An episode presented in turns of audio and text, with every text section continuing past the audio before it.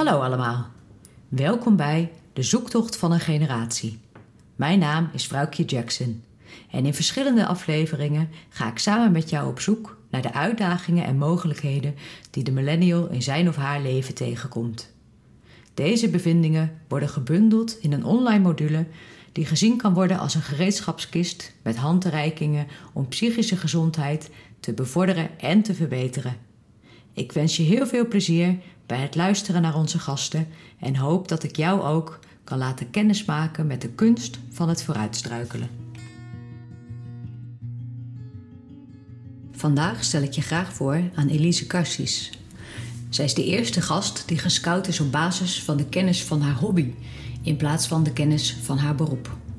Ze is namelijk fanatiek wielrenner en legt zich de laatste tijd toe op een sport in opkomst, gravelen.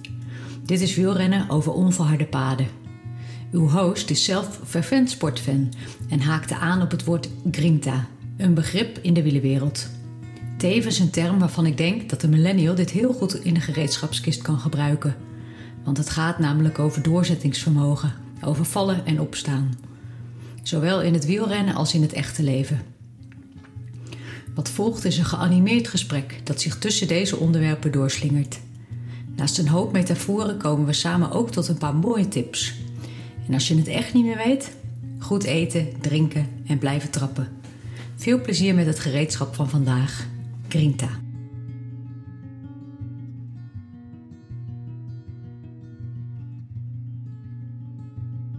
Van harte welkom in deze podcast, Elise Karsies. Dankjewel, bedankt voor de uitnodiging. Ja, leuk dat je er wil zijn vandaag. Kun je iets Ja. vertellen over jezelf? Ja, nou, ik ben dus eh, Elise Karsies en ik ben eh, 36 jaar. Ik woon in Groningen.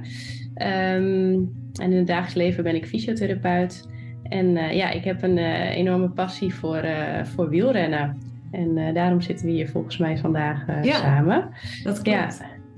Dat klopt helemaal. Ehm, want ehm, ja, wij, zijn, wij zijn niet bij elkaar gekomen vandaag vanwege jouw beroep, maar meer vanwege Mhm. jouw hobby, denk ik. Ja, Ja. Is, het, is het een hobby of zou je het als meer als een hobby omschrijven? nou, ehm, wel meer in de hobby in de zin van dat het ook een beetje een lifestyle is, denk ik. Of een beetje een levens, eh, ja, levensstijl eigenlijk. Eh, dat, het wielrennen neemt wel grote plaats in, eh, in, mijn, in mijn leven. Ja, Leuk. Wat er vaak gebeurt in deze podcast, dat is wat de vaste luisteraars wel weten, is dat we meestal naar een thema toewerken. En in dit geval was hij dus al bekend bij de start, namelijk. we gaan het hebben over Grinta. En wat is dat dan precies? Ja, Grinta is eigenlijk, dat is een term en die komt uit het eh, wielrennen, maar die wordt volgens mij steeds meer toegepast, ook in andere sporten en ook wel een beetje in het, eh, in het normale leven buiten, buiten het sporten. En het staat eigenlijk eh, een beetje voor strijdbaarheid en vastberadenheid.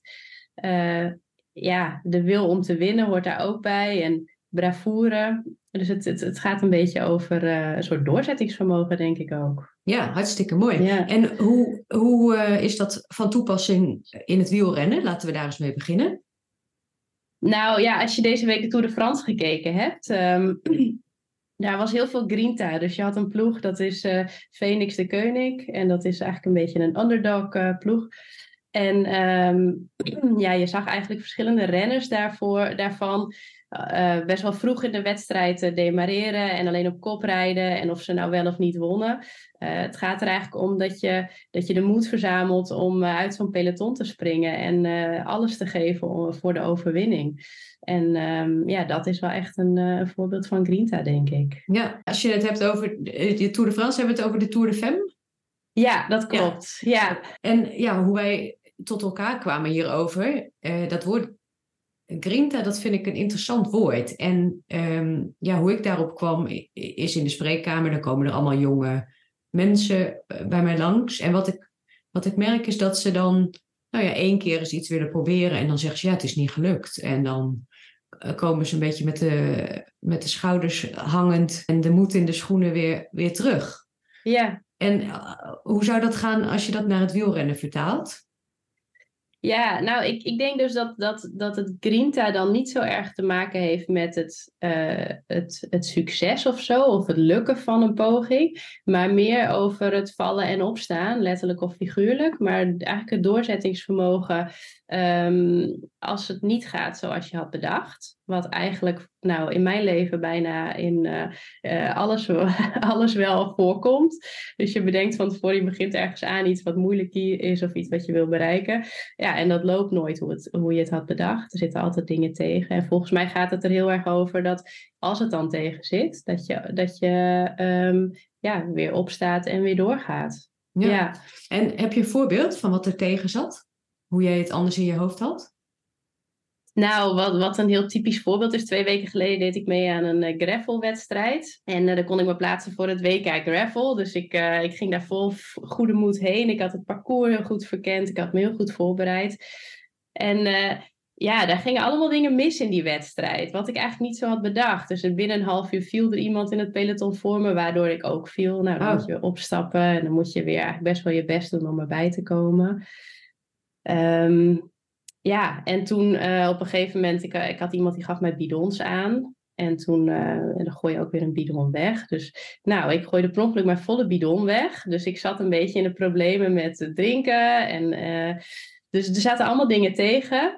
En dan is het soms best wel moeilijk om, om toch door te zetten om naar de finish te rijden. En ook als je dan bijvoorbeeld weet dat je niet meer gaat winnen of ook niet in de kopgroep zit ja, dan, uh, dus, dus dat, dat was voor mij wel een voorbeeld van Grinta. Ja. En, en verandert, verandert dat dan ook in de loop der tijd? Dus met wielrennen weet je, of gravelen weet je inmiddels dat het zo gaat. En verandert dat eh, de Grinta? Dus moet je anders doorzetten? Of is het gewoon altijd, altijd weer vervelend? En uh, denk je op dat moment van, nou, daar zit ik dan. Nou ja, soms heb je ook wel de dingen natuurlijk heel goed gaan.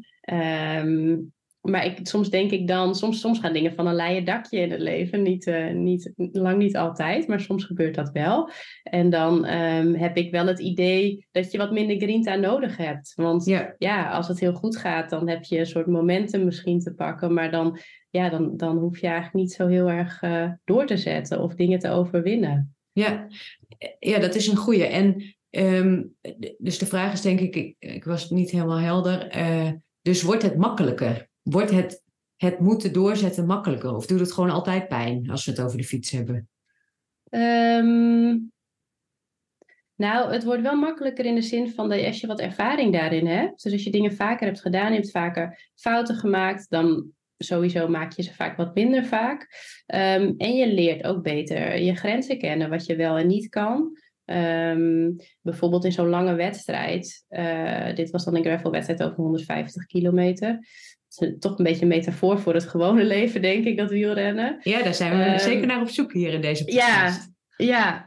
En um, nou, vaak zit je er een paar momenten doorheen, maar je weet als je dat vaker hebt gedaan, oh, er komt, ik, ik kom hier wel doorheen. Er komt wel een soort van tweede leven. Dus ik moet even wat eten en wat drinken. En, dan, uh, en dat weet je niet als je de eerste keer uh, zoiets doet. Dan denk je gewoon, ik kan niet meer. Ik, uh, ik zit kapot en ik, ik, ik heb niks meer in de tank over. En als je dat dus vaker doet, dan leer je wel een beetje herkennen wat je dan moet doen om wel weer door te kunnen gaan. Ja. ja. Ja, dat is denk ik een heel mooi voorbeeld. Want daar willen we hier vooral ook heen uh, naar de metafoor van het leven. En als ik dat dan even vergelijk, uh, ik neem dit op op mijn kantoor waar ik dus ook uh, cliënten zie.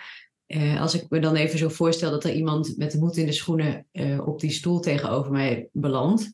Mm-hmm. en die zegt van nou ja, het is na één keer niet gelukt. Dan hoop je dat die persoon het dus gaat herkennen. Dus dat hij op een gegeven moment gaat merken, oké, okay, ja, dit is zo'n punt. En dan kan ik dus twee dingen doen. Namelijk of ik uh, sukkel in dat peloton door, bij wijze van spreken. Mm-hmm. Of ik ga toch nog ergens uh, een beetje eten en drinken en het nog een keertje proberen. Ja, ja, ja. Zit het ja. dan zo? Ja, dat denk ik wel. Dus, uh, ja, dus ik denk dat je van, zeg maar, falen of dingen die niet lukken, dat je daar wel heel veel van kan leren. En dat het dan inderdaad wel makkelijker wordt om een volgende keer, als je weet, ja, ik heb dit en dit ook doorstaan in mijn leven, dan, uh, dan weet je misschien als er weer wat tegen zit, van goh, nou, ik weet dat ik hier wel bovenop uh, kom. Of dat, het, dat ik het gewoon nog een keer ga proberen. Ja. ja. Volgens mij noemen ze dat de Valley of Death.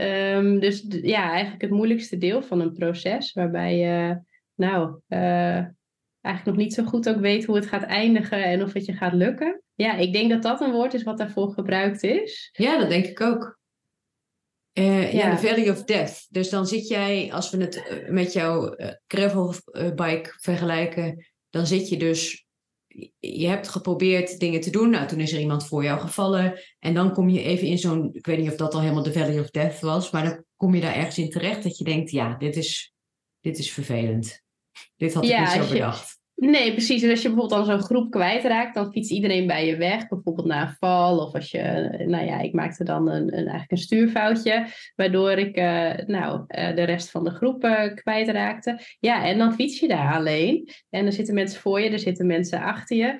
En um, ja, wat, wat ga je dan doen? Want je, ja, meestal lukt het niet om in je eentje naar die groep voor je te rijden. Dus dan moet je eigenlijk een beetje een nieuw plan smeden.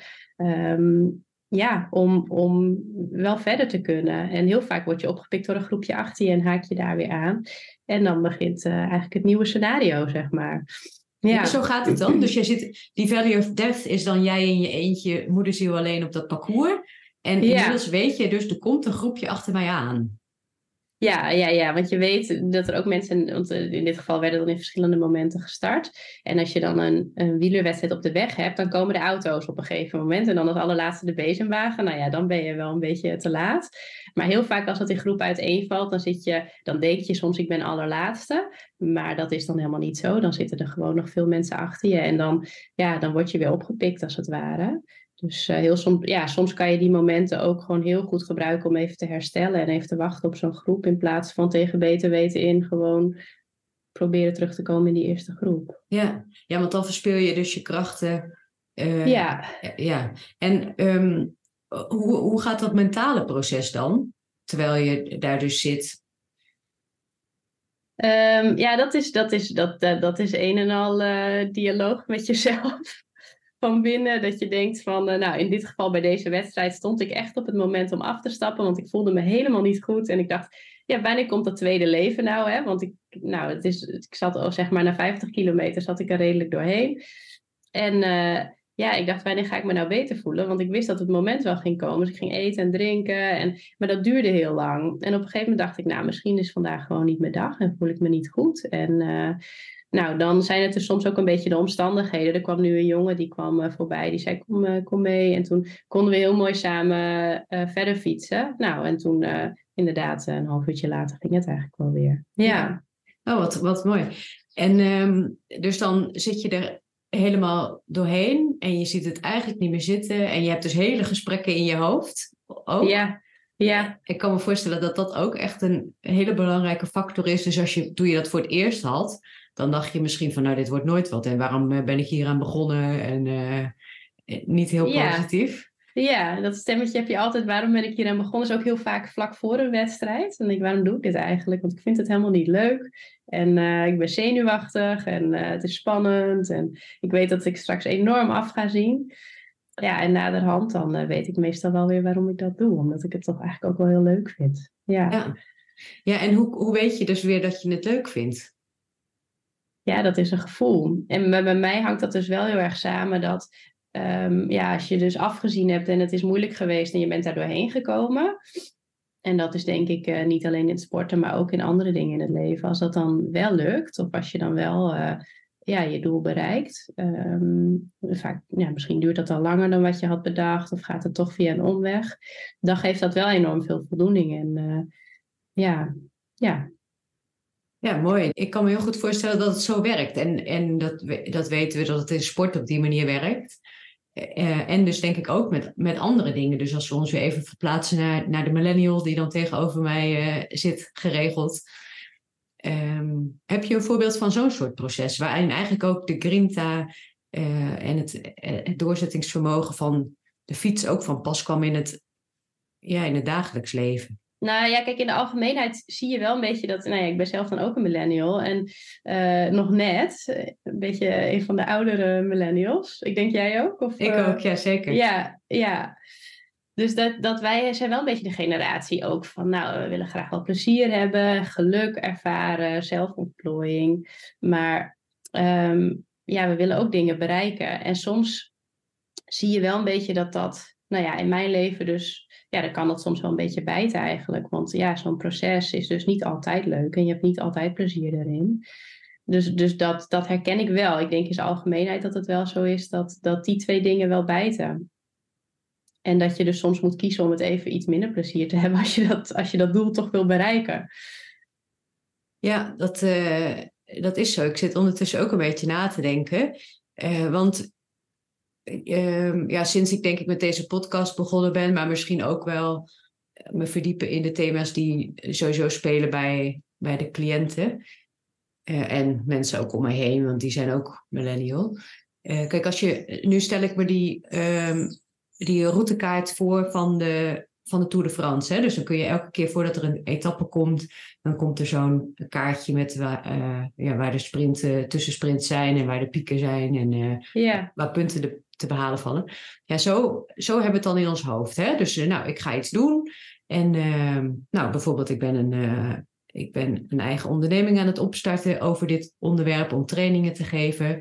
Dus dan heb ik in mijn hoofd, dat ziet er dan ongeveer zo uit. Dat zo moet het ongeveer gaan. En dan ga ik die kant op. Maar ja, in werkelijkheid gaat het nooit zo. Nee. Dus nee. die kaart, dat is een soort begin. En vervolgens is het denk ik steeds meer uh, de uitdaging om, uh, om te herkennen: oké, okay, nu voel ik me dus zo, omdat ik in die Valley of Death beland ben. Ja. Omdat ja. ik nu uh, daar zit en dus eigenlijk even moet eten en drinken en rusten. En Ja. niet door moet gaan om maar tegen beter weten in eh, een businessplan te schrijven of zo. Eh, en dan hopen dat er weer even iemand aanhaakt. En er komt altijd wel iemand weer aangehaakt.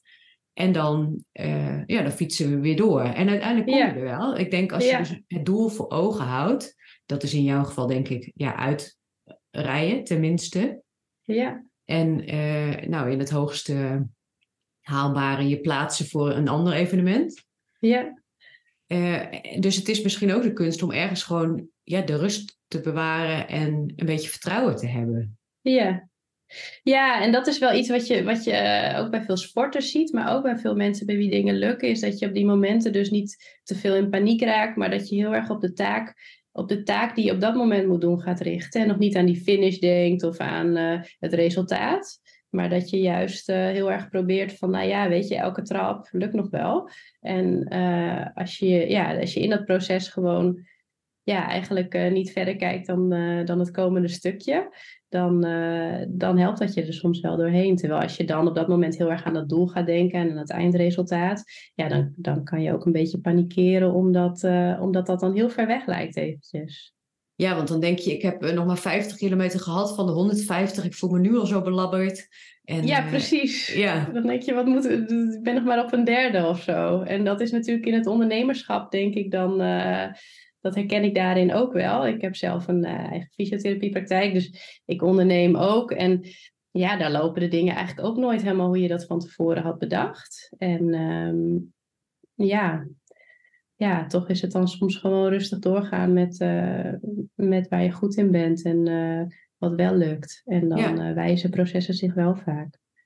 ja, dus dat in plaats van heel ver naar voren te kijken en te kijken van waar gaat het allemaal heen en wat moet ik doen. En is het ook de kunst om dan gewoon heel dicht bij jezelf te blijven en alleen maar te kijken, nou nu doe ik. En op de fiets, ja dan gaat dat zo. Nu doe ik deze trap en dan Ja. die andere trap en dan, ja, dan trap ik Ja. dus maar gewoon wel door. Beetje Ja. met de oogkleppen op. Ja, denk ik wel. En het is dus wel echt wat anders dan achteroverleunen en wachten tot het zichzelf oplost. Want je moet denk ik wel gewoon eh, doorgaan. Of de voorwaarden creëren dat je, dat, dat je weer verder kan. Of dat het een goede wending neemt. Ja, dat is denk ik een hele goeie. Want eh, met, kijk, als je dat weer vergelijkt met dat eh, peloton. Ja, je, je, je gaat niet winnen als je niet het gaat proberen. Dus je zal wel ergens het weer uit jezelf moeten halen om, om iets anders te gaan doen. En je hoeft niet Mhm. helemaal te weten waar het heen gaat. Nee.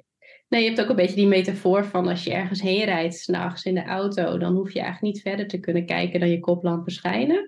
En eh, dat vind ik ook, dat helpt mij vaak.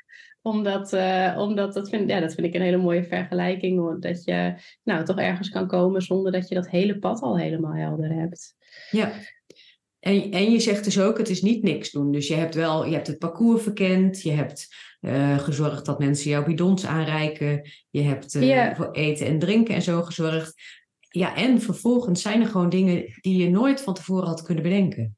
Ja, ja. En dat moet je denk ik accepteren. En dat is ook het lastige. Kijk, in deze tijd, als je dan weer even naar het, normale leven trekt. Um, zien wij op social media bijvoorbeeld eigenlijk alle successen van de mensen om ons heen. Dus je ziet het pad niet, maar je ziet het eindresultaat. En als je jezelf daar, want ja, uh, volgens mij doet iedereen vergelijkt zich toch wel een beetje. Hè, hoe verhoud je je tot je omgeving?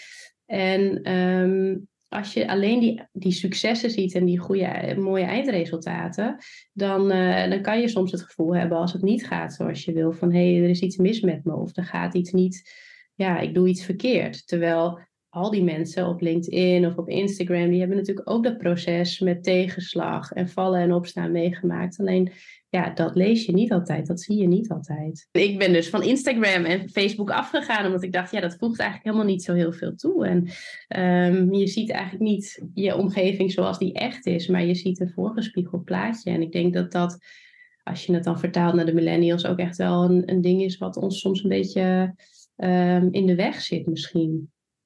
Ja, dat, dat denk ik ook. En ook al weten we het, hè. Dus eh, kijk, wij kunnen prima zeggen van ja, zij, zij rapporteren alleen de successen eigenlijk door zo'n foto. Dan stel ik me voor dat jij met je fiets boven je hoofd uh, bij de finish staat. het is toch gelukt. Nou, dan denk je, wauw, dat heeft zij zomaar gedaan. En ze heeft 150 kilometer gefietst. En, en ook al zeg je, dus, typ je erbij van, en het was wel pittig en ik had een hongerklop en weet ik wat. Maar dan nog eh, is het niet hetzelfde. Het, ik zie dan jou met die fiets boven je hoofd op die finish staan. Dus je, je, weet gewoon helemaal niet hoe het voor andere mensen uh, ja, in elkaar steekt, denk ik. Nee, nee, hoe dat proces is geweest. En ja, ik denk dat dat dus wel iets heel moeilijks is van onze generatie, dat je het proces niet zo erg meekrijgt. En uh, het eindresultaat wel. En dat daardoor die verwachtingen ook heel hoog, uh, heel hoog zijn eigenlijk. Ja, klopt. Ja. En toen we dit aan het uh, voorbespreken waren, dit onderwerp, toen hadden we het er ook over. Uh, dus het is denk ik, als we het er nu zo over hebben, belangrijk. Ja, maak een doel voor jezelf. Je hoeft daar niet morgen te zijn, uh, maar ga gewoon gestaag die kant op met vallen en opstaan. Ja. Um, en jij zei toen ook van, um, dat vond ik een hele mooie, van de dingen die niet gelukt zijn in mijn leven, waren wel richtingaanwijzers. Dus je zei, ik, ik zie mislukking eigenlijk als een richting aanwijzen. Ja. Weet je dat ja. Ja, ja, dat klopt. Ja, nou ja, soms gaan de dingen niet zoals je het wilt. En, en ja, soms is het misschien wel goed om ergens mee te stoppen. Het is natuurlijk niet zo dat je altijd tegen beter weten in uh, maar door moet gaan. Maar soms kan je ook ervoor kiezen, inderdaad. Nou ja, in mijn geval was het bijvoorbeeld zo dat ik heb altijd heel fanatiek gejudo'd op hoog niveau. Maar ik was eigenlijk nooit helemaal in die top, maar een beetje in de subtop. Net niet helemaal goed genoeg, maar ik leefde daar wel helemaal voor.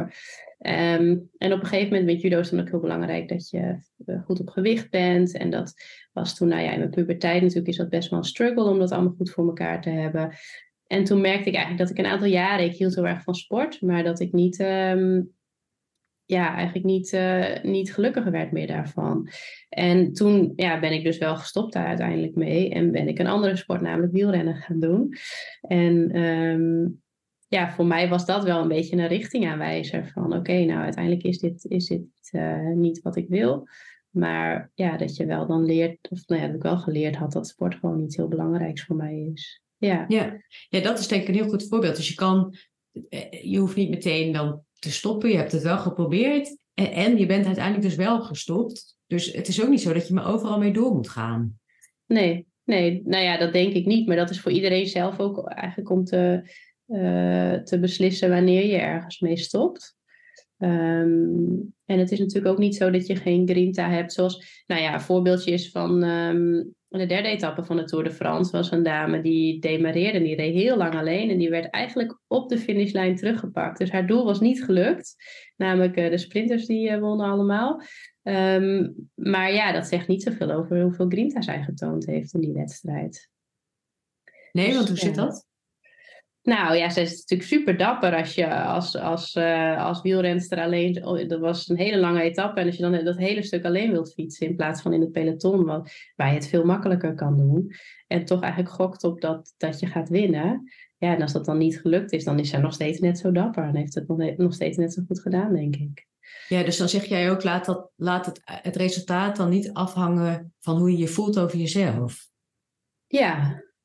Ja, dus kijk, zij, had niet zo, zij heeft gewoon alles gegeven wat ze had. En uh, dan heb je niet zoveel invloed op wat er in het peloton gebeurt en hoe goed zij hun best doen eigenlijk om, om je terug te pakken. En dat zijn omstandigheden die dan buiten jezelf liggen. Um, dat is ook een beetje de stoïcijnse mindset, hè? Van, van richt je heel erg op de dingen waar je wel uh, um, controle over hebt en wat je wel kan doen. Neem ook verantwoordelijkheid daarin. Um, en als dan uiteindelijk als je niet wint, ja, dan kan je jezelf niks verwijten. Ja, ik denk dat dat een hele mooie is. En dat die, want dan zit, ik zit altijd ook te bedenken van wat is het gereedschap wat we de millennial mee kunnen geven in, in deze podcast. En ik denk dat dat een, een hele goede is. Dus en prima, je mag een doel hebben. Uh, dat, uh, soms kom je er ook gewoon helemaal niet. En dan is zo'n een zijpaadje waar je dan in bent geslagen. Uh, uiteindelijk het doel geworden. Dat is prima. En, en dus ook van richt je op, op waar je wel invloed op hebt. Dus wat, wat kun je wel doen? Nou, je kan nu dus doortrappen of je kan afstappen. Dat is dan de ja. keuze in het, in het wielrennen. Ja. En in de spreekkamer of in het leven van de cliënt, ja, is het, je kan, je kan besluiten van ik wil niet van deze angsten af en ik, uh, uh, bijvoorbeeld voor sociale gelegenheden of zo. Of je ja. denkt, ja, ik ga toch maar weer, ik vond het de vorige keer echt heel vervelend en ik ga het weer proberen, want daar, ik heb, daar, daar heb ik invloed op. Ja, ja. Ja, precies. Want, want jij ziet dat dan in de spreekkamer, uh, denk ik misschien dan ook veel bij bijvoorbeeld, uh, nou ja, wat je dan noemt, een fobie dan. En, en dat het heel moeilijk is om daar overheen te komen en je dan toch elke keer daar weer aan blootstellen. Uh, nou, om dat een beetje, als het ware, te overwinnen. Ja, ik denk dat mensen hebben heel veel klachten de, van angsten, van somberheid, trauma's. Dat, dat zijn dingen die we hier veel zien. en ehm, ja, ik merk toch bij de millennials dat dat, dat, dat lastig is. De, misschien dus ook wel omdat ze vaak gewend zijn dat dingen gewoon lukken. En ook het idee hebben dat het om hun heen heel snel lukt. Soms ja. zeggen ze dan ook wel, ja, waarom heb ik dit? Ja, ja. dat staat er meestal niet bij, waarom nee. je iets hebt. En dan, dus dan zeg ik ook altijd, ja, daar kunnen we het over hebben. Of we kunnen gaan kijken van wat, ja, wat kun jij nu, nu doen? En dat is denk ik de daadwerkelijke uitdaging. Ja, ja. Ja, je hebt dan die drie stoïcijnse principes en die probeer ik altijd bij moeilijke dingen een beetje in gedachten te houden. De eerste is richt, op, richt je op wat binnen je macht ligt, daar hebben we het wel over gehad. En de tweede is uh, neem verantwoordelijkheid. En de derde, dat is eigenlijk grinta, want dat, dat zegt geef het beste wat je hebt. En voor mij zijn altijd die drie dingen, die zijn, uh, die zijn heel helpend. Als ik, dat, als, ik, als ik iets aanga en ik haal, haal die drie er even bij en ik check of ik dat doe... Um, ja, daar, daar, heb ik wel veel aan. Mooi. En uh, neem verantwoordelijkheid, hoe ziet die er dan uit? Ja, dat was eigenlijk de, de grootste, voor mij misschien wel de grootste uh, uitdaging. Dat het gaat, nou ja, in mijn beleving ook een beetje over um, dat je dus verantwoordelijk bent voor je eigen proces. En als je dus baalt dat iets niet gelukt is, um, uh, ik denk dat je daar alleen van moet balen als je zelf iets verkeerd hebt gedaan. Dus als er iets waar je wel invloed op, uh, op had, als je dat nagelaten hebt of niet gedaan hebt. En dan kan je daar verantwoordelijkheid voor nemen. Maar als er iets buiten jouw macht om niet, gegaan, niet goed gegaan is, waar je niks aan kan doen, ja, dan denk ik dat je dat ook niet uh, te veel aan moet trekken dan. Want dat had je dan misschien niet beter kunnen doen.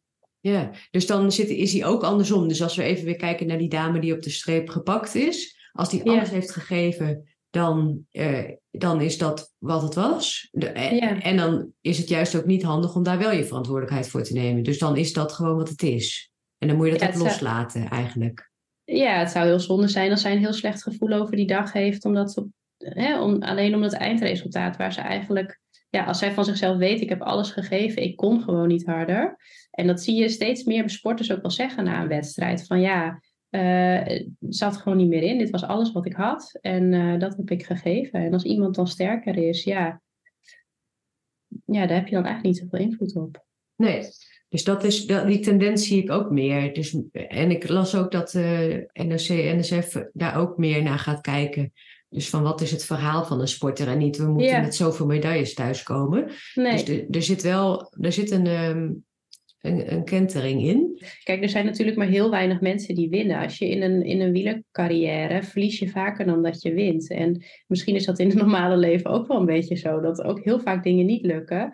Ehm, en ja, dat is misschien wel iets om ook... Hè, dat is dat vallen en opstaan. Dat je weer opstaat en weer, weer verder probeert te gaan. Ja, en misschien kom je dan dus heel ergens, ergens anders uit. Of, of ben je dan niet de beste, maar fiets je je hele leven in een peloton. En eh, vind je dat ontzettend leuk? Ja. Geniet je daar heel erg van? Ja, ja dus het proces is soms ook, uh, denk ik, belangrijker dan, dan het eindresultaat. En als je dat proces veel erg van geniet uh, en er veel plezier in hebt. En nou ja, dus ook valt en opstaat en ook afziet. Maar de weg er naartoe is denk ik zeker zo belangrijk als het einddoel. Ja, dat is een hele wijze les. ja, ja, dat zijn toch allemaal wel mooie dingen die in het wielrennen heel, uh, ja, heel, heel duidelijk zijn. En in het normale leven misschien soms wat troebeler om dat er zo uit te filteren. Maar ik denk wel dat er wel heel veel parallellen in zitten. Ja, dat denk ik ook absoluut. En ik weet niet hoe het voor jou is, maar ik merk wel dus, nou nu ergens eind 30 zijn, maakt wel dat je ook ietsje meer uh, overzicht krijgt op nou ja, die routekaart die, die al achter ons ligt. Dus ja. het wordt ook wel wat helderder. Dus nou, als we even kijken van wat kunnen we de millennial, of misschien de jongere millennial meegeven, is toch ook dat, ja, ga het gewoon doen. Ga vallen en opstaan. Ja. Nou, jij zegt, uh, doe wat binnen je macht ligt. Neem je verantwoordelijkheid. En geef, uh, geef alles. Geef het beste wat je hebt. Ja. En, en dan zie je op een gegeven moment wel, dan wordt die, dan wordt die route wel wat duidelijker. Ja, ja, en, en um, yeah, you'll become good at whatever you choose to practice. Dus alles wat je, waarvoor je kiest, dat je daarin wil investeren, dat je daar goed in wil worden. Uiteindelijk zal je daar ook goed in worden. Alleen ja, niet na, na eventjes, maar, maar gewoon na een tijd word je beter in dingen. Als je maar, denk ik wel, um, uh, dat blijft trainen of, of doen waar, waar je goed in wilt worden. Of, ja. Ja, dus eigenlijk zit er ook in, maak een keuze. Dus als jij had kunnen blijven judoën, dan was je niet zo goed geworden in fietsen, want daar heb je dan niet ook tijd voor. Nee, nee. Nee, dat vind ik ook mooi aan die quote. Dat is een quote van Niels van der Poel, die is Olympisch kampioen op de, op de 10 kilometer. Een Zweedse um, schaatser. Zweedse schaatser, ja. Ja, en um, wat ik mooi vind, wat erin zit, zit ook die keuze. Hè? Dus je kiest je, wordt goed in wat je kiest, waar je goed in wil worden. En natuurlijk heb je mensen met heel veel talent en met minder talent. Maar uiteindelijk, als je gewoon iets heel veel blijft doen, dan zal je daar uh, uiteindelijk goed in worden. En uh, ja, die vruchten ga je natuurlijk op een gegeven moment ook wat meer plukken als je wat ouder wordt. Want dan heb je gewoon meer jaren uh, kunnen investeren in nou, of je carrière of in sport of in dat soort dingen. Ja. ja, dus voor de jongeren de jongere millennial, ga niet panikeren als je even de energie niet voelt. Maar probeer te kijken naar wat, ja, wat kan ik nu doen? Kleine stapjes. En maar gewoon uh, door. Ja. Is ja. dat dan de boodschap? Ja, denk ik. En ga van Instagram af. niet kijken naar iedereen om je. Het is een hele praktische oplossing. Maar ik denk echt dat het heel verlammend kan werken als je heel veel kijkt naar de mensen om je heen. En alleen maar die succesverhalen om je heen ziet. En um, ja, ik, ik, ik, ik zou echt uh, willen pleiten om, uh, om uh, dat zo meer mogelijk te doen. Ja. ja. En misschien dus juist ook als je jezelf in zo'n Valley of Death terugvindt, dan kun je denken, oh, wat moet ik nou toch allemaal? En die telefoon is altijd uh, in de buurt. En dan ga je even kijken, nou dan zie je al die mensen die voor jouw gevoel wel met een fiets boven hun hoofd op een finishlijn staan. Uh, maar dat werkt al even niet zo goed. Je moet goed eten en drinken en rusten. En maar Precies. een beetje doortrappen goed voor jezelf zorgen en rustig door blijven gaan, dan uh, kom je een heel eind, denk ik. Tenminste, voor mij werkt dat, uh, ja, werkt dat wel redelijk goed. Ja, hey, en uh, die Stoïcijnse principes, heb je daar een, een leesbaar boekje over? Ja, wat, heel, eh, wat een heel leuk boekje is, is van Mark Tuiterts. Ja, hoe heet het? Drive heet het. Nou, daar heb ik wel heel veel, heel veel aan gehad. Ja. Oké, eh, nou dan komen we zo aan het einde van dit verhaal. Heb jij nog iets toe te voegen? Wil je de mensen nog iets mee, anders meegeven? Um, nou, ik denk eigenlijk dat alles wel, wel aan bod is gekomen. En nou ja, het is ook gewoon een beetje wat voor mij werkt en wat in mijn leven natuurlijk, waar ik veel aan heb. Ja. Ehm, en dat zal voor iedereen misschien ook wel een beetje anders zijn. Maar, Ja, Ja. iedereen doet het op zijn eigen manier, denk ik. En, ja, en eh, waar we het in onze voorbereiding ook over hadden, is het is geen waardeoordeel. Dus het is niet zo van, oh jij hebt geen doorzettingsvermogen. Dat is aan iedereen zelf om te bepalen van wat wil ik erin steken. ja. Ja, en, en die doelen waar we het eigenlijk steeds over hebben, dat gaat niet per se over maatschappelijk succes of hoog op een ladder klimmen of veel geld verdienen. Het, kan, het gaat natuurlijk ook gewoon eigenlijk vooral om de dingen die je belangrijk vindt in het leven, de normen en waarden. En eh, dat kan ook zijn eh, goed voor je oma zorgen of ja, andere dingen die je gewoon belangrijk vindt en waar je, waar je wel ja, succesvol in wil zijn. Ja, klopt. Dat is denk ik nog een hele goede toevoeging. Want dat is. soms denken we, geloof ik ook, dat het maar groot en meeslepend moet zijn. Maar juist heel goed voor je oma zorgen kan, kan heel verbindend en, en fijn. En eh, daar kun je ook heel gelukkig van worden. Ja, ja, dat kan heel veel eh, zin geven. Ja, zingeving, dat Ja. is het goede woord. Nou, Ja. wij, ehm, wij gaan denk ik allemaal aan de slag met het boekje van Aha. Mark Tuitert. Ja, En mag ik je hartelijk danken voor eh, het leuke gesprek en ook de wijze woorden van zowel het wielerleven als het gewone leven. Ja, nou, ik vond het ook heel erg leuk om te doen. Ja. Mooi zo, dankjewel. Zo, dat was hem. Bedankt voor het luisteren. Ik ben benieuwd waar jij het gereedschap van vandaag voor gaat gebruiken. En wil je meer weten?